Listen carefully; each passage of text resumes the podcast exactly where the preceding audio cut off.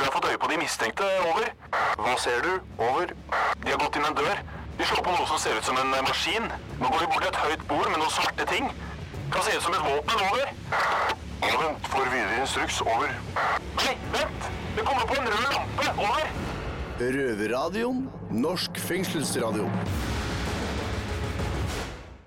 Velkommen til Røverradioen. Jeg heter Miss Kinneby, og jeg er så heldig at jeg får lov til å stå her med den kuleste kiden fra Oslo øst, Amela. Yo, bitches! Hei! Vi er jo ikke aleine her i studio, vi har med oss en til. Eh, mange søtt, kjært barn har mange navn. Fresh meat, nykomling. Hei, hei, jenter. Yes, du er også ny i Røverradioen. Stemmer det? Ja. Og for de som ikke vet det her, så er dama du akkurat hørte, det er Ville. Og hun har vært med på en dokumentar på TV som dere kanskje har sett i det siste. Det stemmer inn. Stemmer det. Si litt om det her. Ja, var med på Helene sjekker inn. Og det er for de som ikke vet det. De, hun reiser rundt på forskjellige steder. Hospits, eh, sykehus, eh, fengsler. Og sjekker inn der for fem dager og følger eh, innsatte og ansatte og Stort og smått og Ja, det, det kommer over. Ja. Og da lager dokumentar om dette. Sorry, Ville, men eh, vi må nesten bli bedre kjent med deg en annen gang. Det får du muligheten til, vet du. Vi skal eh, nå eh, snakke om noe som er pirrende. Litt skummelt, kanskje. Og litt uhyggelig. Men også noe som kan være veldig vakkert. Vi skal snakke om sex og rus, og forholdet mellom de to. Ja, det er jo kjent at eh, når man ruser seg over lengre tid, så må du ha mer og mer for å finne den følelsen du jager. Gjelder det samme for sex? Og påvirker eh, rus seksu seksualiteten negativt? Røverne i Oslo fengsel har fått besøk av filosof Ole Martin Moen. Og sammen skal de tenke stort i forholdet mellom sex og rus, og finne ut hvorfor noen velger å pushe grensene til det ekstreme. Oslo fengsel er jo ikke de eneste som har eh, fått besøk.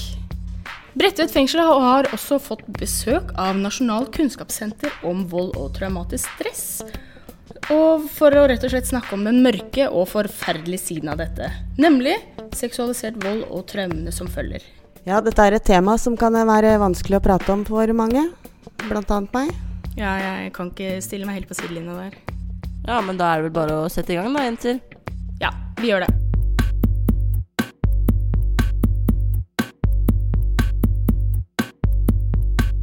Rusbruk er ofte noe som eskalerer seg. Jo lenger du holder på, jo mer ekstrem må du bli i bruken for å oppnå den følelsen du jakter etter.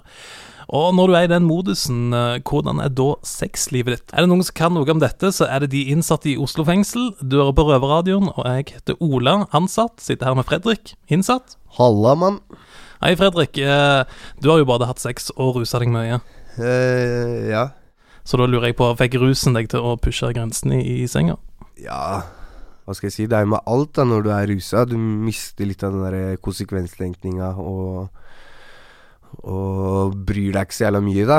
Så Og på hvilken måte da? Nei, at du kanskje tester ut ting eh, seksuelt som du i nykter tilstand ikke ville gjort. Har du et eksempel? Nei eh, Plutselig så har du lyst til å begynne med pissing, og så er ikke det nok, så må du begynne med bæsjing og Så det er eh, å dra den strikken til de nivåene som du ikke ville gjort i nykter tilstand. Ja, Var det for eh, nytelsen sin del, eller bare for å pushe grensene? Jeg tror det er sistnevnte. Pushe grensene, hovedsakelig. Og så veit du ikke om du liker det før du har testa det. Men hva var det du tenkte da, liksom, når du Jeg, å svare på det, da, det veit jeg ikke, ass. Jeg klarer egentlig ikke å sette noe ord på hvorfor, liksom. Det er bare sånn som skjer. Men uh, hvordan påvirker rusbruken sexen? Den eh, påvirker den ganske heftig. Eh, mange kan sitte og snakke om at du har liksom heftig sex, og at det er bra sex. Men du, De som ruser seg? ja, men eh, Det handler kanskje noe om at eh, istedenfor vanlige folk i gata, da, har sex i kanskje en halvtime, time. Så når du ruser deg, så holder du på i ja, et døgn et totalt, Jeg skjønner hva jeg mener? Så det er Ja, for det er ting spør om, men når du sier en halvtime time, så er det ganske lagt unna. For en studie jeg fant, så er gjennomsnittlig samleie på 5,4 minutter. såpass, ja. Ok. Og det var tydeligvis eh, betraktelig høyere for deg, da. Fire, fire minutter? 5,4.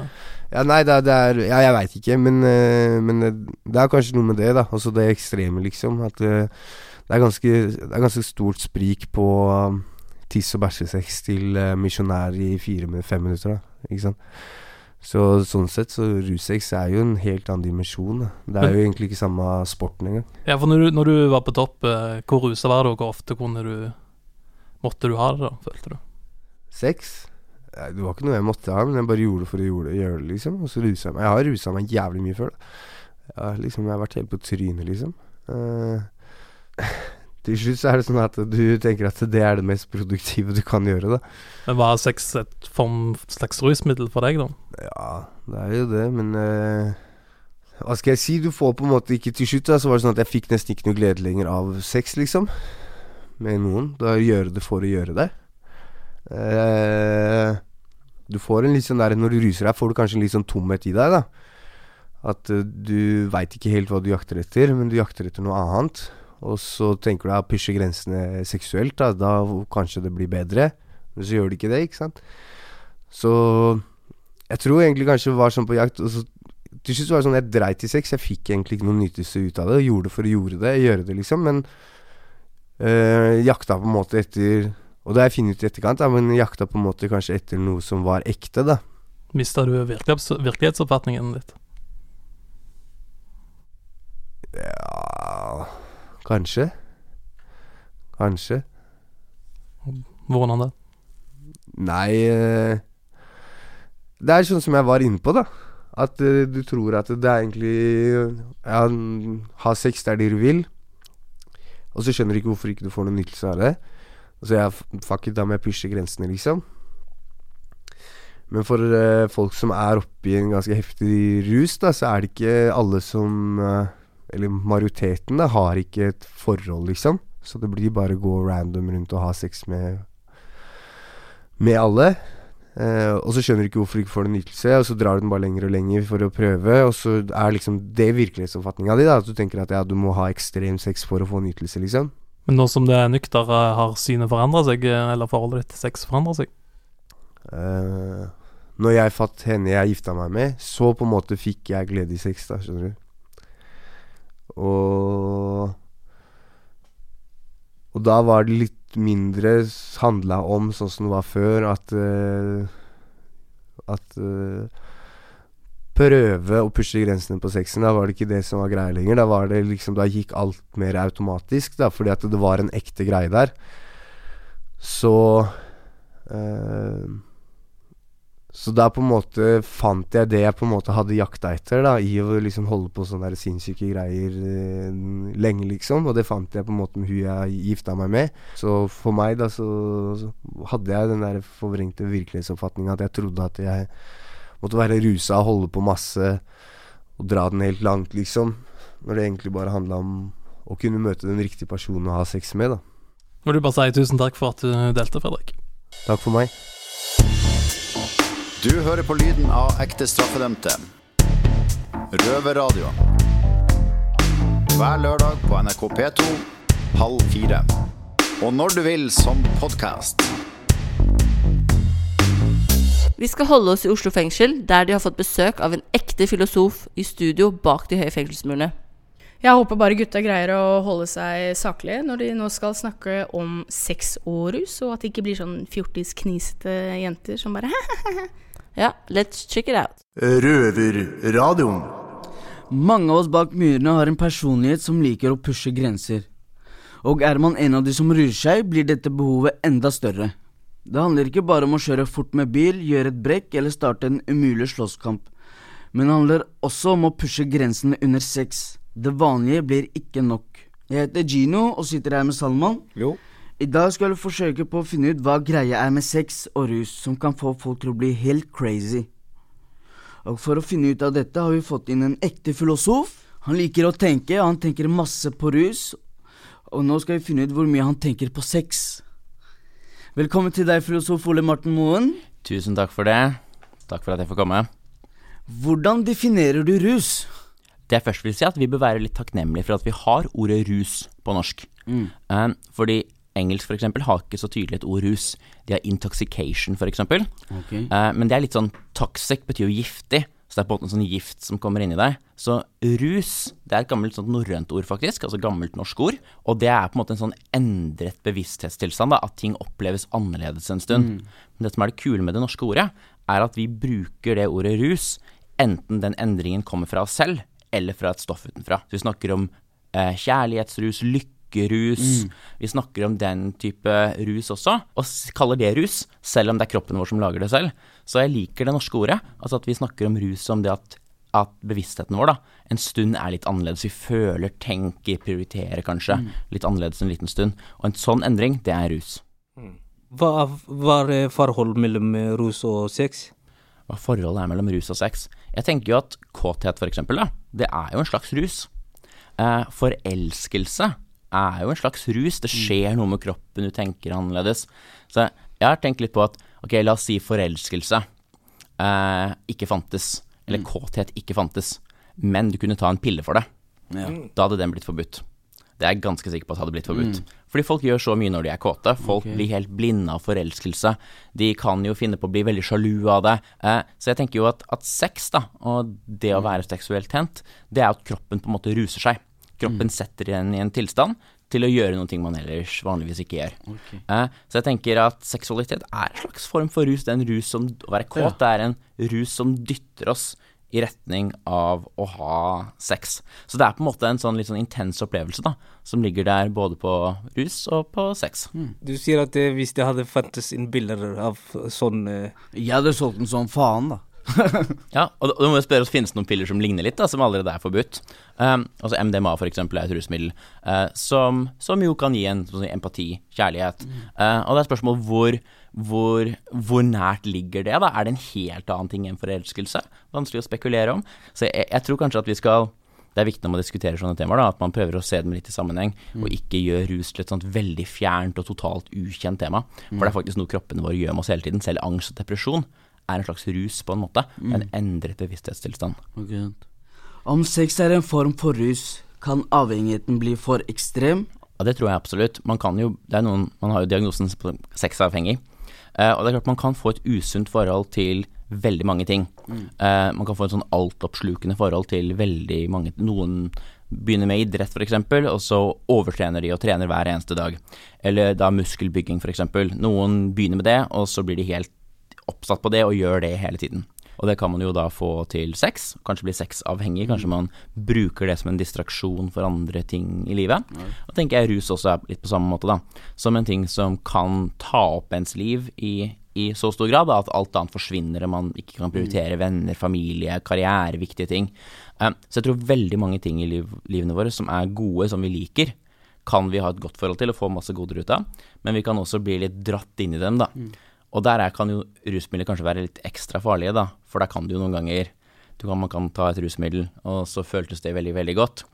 Og så klarer du samtidig å svekke dømmekraften litt. Så da er det spørsmål skal man ta litt mer, og da kan jo svaret være ja. Og da kan man jo være på en veldig sånn interessant sti, da, eh, der man bruker mer og mer og mer. Så jeg tror rusmidler er jo det er et slags sånn teknologisk verktøy da, for å på en måte regulere opplevelsene og følelsene våre. Men det er et ganske sånt det er, det et- det er et heftig verktøy, men det er ikke et veldig Det er ikke et verktøy vi har så fryktelig god kontroll over. Uh, og vi har ikke så fryktelig god kontroll over egen bruk av det heller. Så, men, uh, men ja.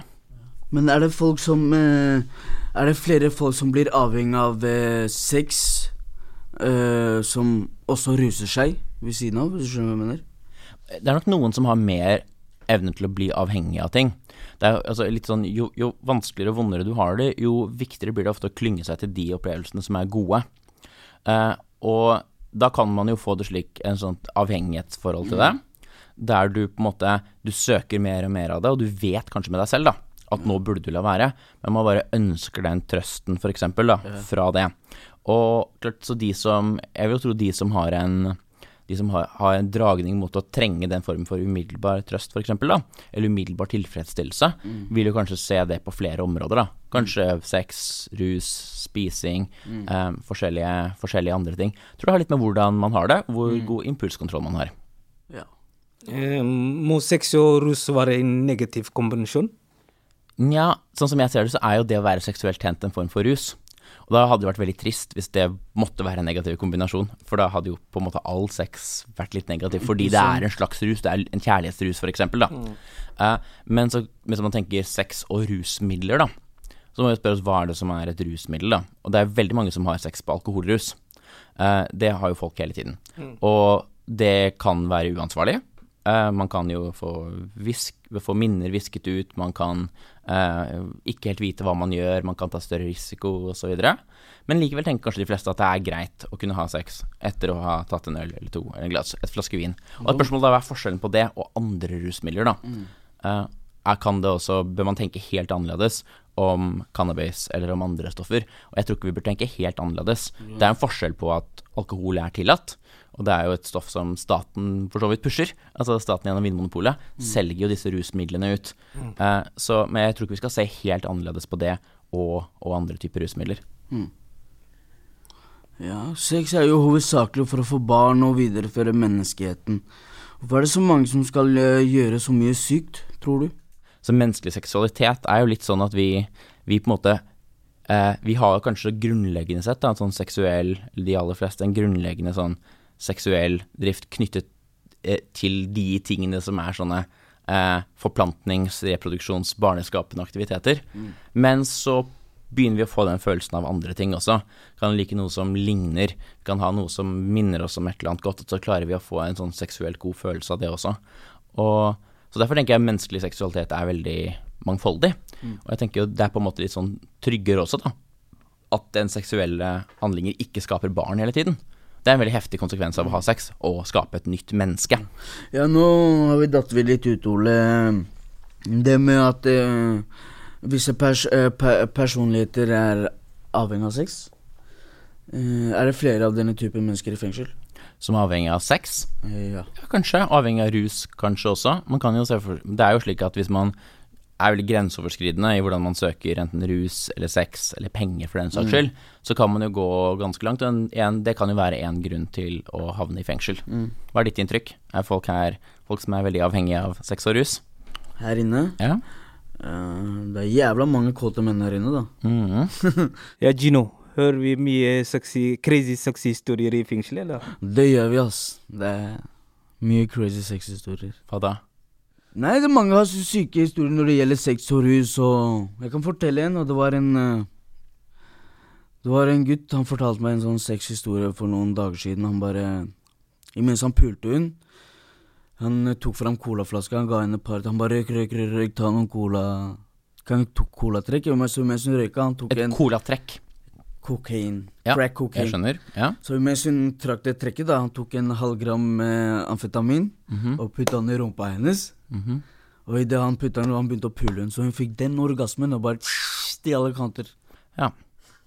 Det høres ut som relativt ans uansvarlig rusbruk. Men, eh, måten Og ikke engang samtykkende rusbruk. På en måte Så- han fortalte det, da, så Ja. hørtes mye sykere ut. Bare. Jeg Det hørtes ganske sykt ut nå også. Ja. Eh, men, men man må jo skjønne det, da. Man kan jo anerkjenne samtidig da, at det var sikkert veldig godt. Eh, men samtidig at det også kanskje var veldig uansvarlig, og kanskje Ja, ikke helt visste hva som skjedde også. Og jeg Jeg, tror har ikke sex på den måten, for å si det sånn. Nei, jeg, jeg, jeg, tror det er, jeg tror det er litt viktig å på en måte Man tenker at å, folk gjør dette, og man kan ikke skjønne hvorfor de gjør det. Men Man kan jo skjønne hvorfor de gjør det, men man kan likevel tenke at det er ikke veldig lurt. da Det er sånn som å drive med veldig ekstremsport, f.eks., Mm. som på en måte kan ha kjemperisiko, altså klatre på fjell uten sikring og slike ting. Men jeg tror ikke man skal se på det som en sånn helt uforståelig ting at folk, at folk driver med. Folk ønsker jo nytelse, folk ønsker jo sex. Og å kombinere det med rusmidler gjør jo at man kan få intens, eh, intense opplevelser. Og jeg skjønner at folk streber hen imot det og ønsker det. Det er jo, det er jo helt forståelig. Så er spørsmålet hva er det vi kan gjøre for å hjelpe folk med å håndtere det på en god måte, da. Og jeg tror dette stigma og tabu som måtte ligger over det, at man ikke snakker om det, eh, gjør at det blir vanskeligere å håndtere, da. Jeg tror det er masse gode positive opplevelser folk kan ha, som de ikke har. Og det er trist. Og så er det også mye vondt og vanskelig, som vi liksom ikke klarer å gripe fatt i heller, fordi vi har dette tabuet knyttet til det. Men øh, hvilken rus anbefaler du? Hvilken rus er best for å ha sex med? Kjærlighetsrus. Kjærlighetsrus. Å ha kjærlighet til partneren, liksom. Ja, jeg tror det faktisk, altså. Nei, jeg er enig med deg. Det er ikke noe bedre enn kjærligheten. Så tror jeg det er viktig i livet da, at man ikke hele tiden tenker at veien til det beste går gjennom kjemikalier, og, eller at det går gjennom mer og mer og mer. Jeg tror det er viktig for oss innen sex, innen sex innen mange biter av samfunnet å lære oss å bli sensitive, og lære oss å kunne få mye glede ut av ganske myke stimuli, av ganske små ting. Og nettopp øvingen på det, da, øvingen på å kunne få det veldig godt med stimuli som er ganske svake. Jeg tror kanskje det er det som er litt sånn veien, da, til faktisk å kunne ha ganske intense og flotte opplevelser uten at det er veldig farlig, og uten at det eskalerer inn i noe som kan bli verre og verre. Yes. Eh, det var det vi hadde av tid til Dirty Talk med deg i dag, Ole. Takk for at du kom. Filosof, at du kom. filosof Ole Martin Moen. Tusen takk. Fint å snakke med dere, Gino og Salman.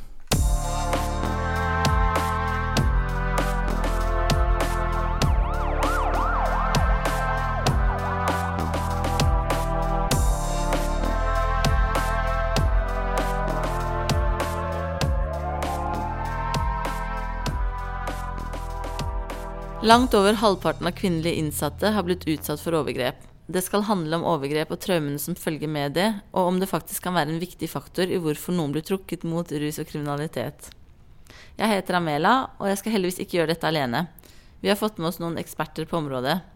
Og de kommer fra Nasjonalt kunnskapssenter om vold og traumatisk stress, og det er psykolog og forsker Ingunn Rangul Askeland og kriminolog Anja Emilie Kruse. Velkommen til Røverradioen. Takk. Tusen takk. Først, hva er Nasjonalt kunnskapssenter om vold og traumatisk stress? Vi er en eh, forskningsinstitusjon, først og fremst, hvor vi forsker på da, vold og traumatisk stress i mange ulike former. Vi forsker på fysisk vold, psykologisk vold, seksuell vold, eh, og også ulike traumer som folk kan utsettes for. Eh, alt fra bilulykker til terrorangrep. Noen kaller oss for Senter for trist og leit. Ja, alt som er trist og leit. Alt som er trist og leit. Og det er noe litt sant i det, da. Ja. Um, har man større sjanse for å bli kriminell om man blir utsatt for overgrep som barn, og i så fall hvorfor? Ja, det er et veldig godt spørsmål, for det, det er jo veldig lite som har med mennesker å gjøre, som er sånn at det alltid bare er én grunn til at man blir som man blir. Det er mange veier inn til å få, få det vanskelig da, som voksen. Hvis man får god hjelp som barn til å håndtere de følelsene og tankene som kommer med det, så kan det jo hende at man går videre i livet og i veldig liten grad blir preget av det.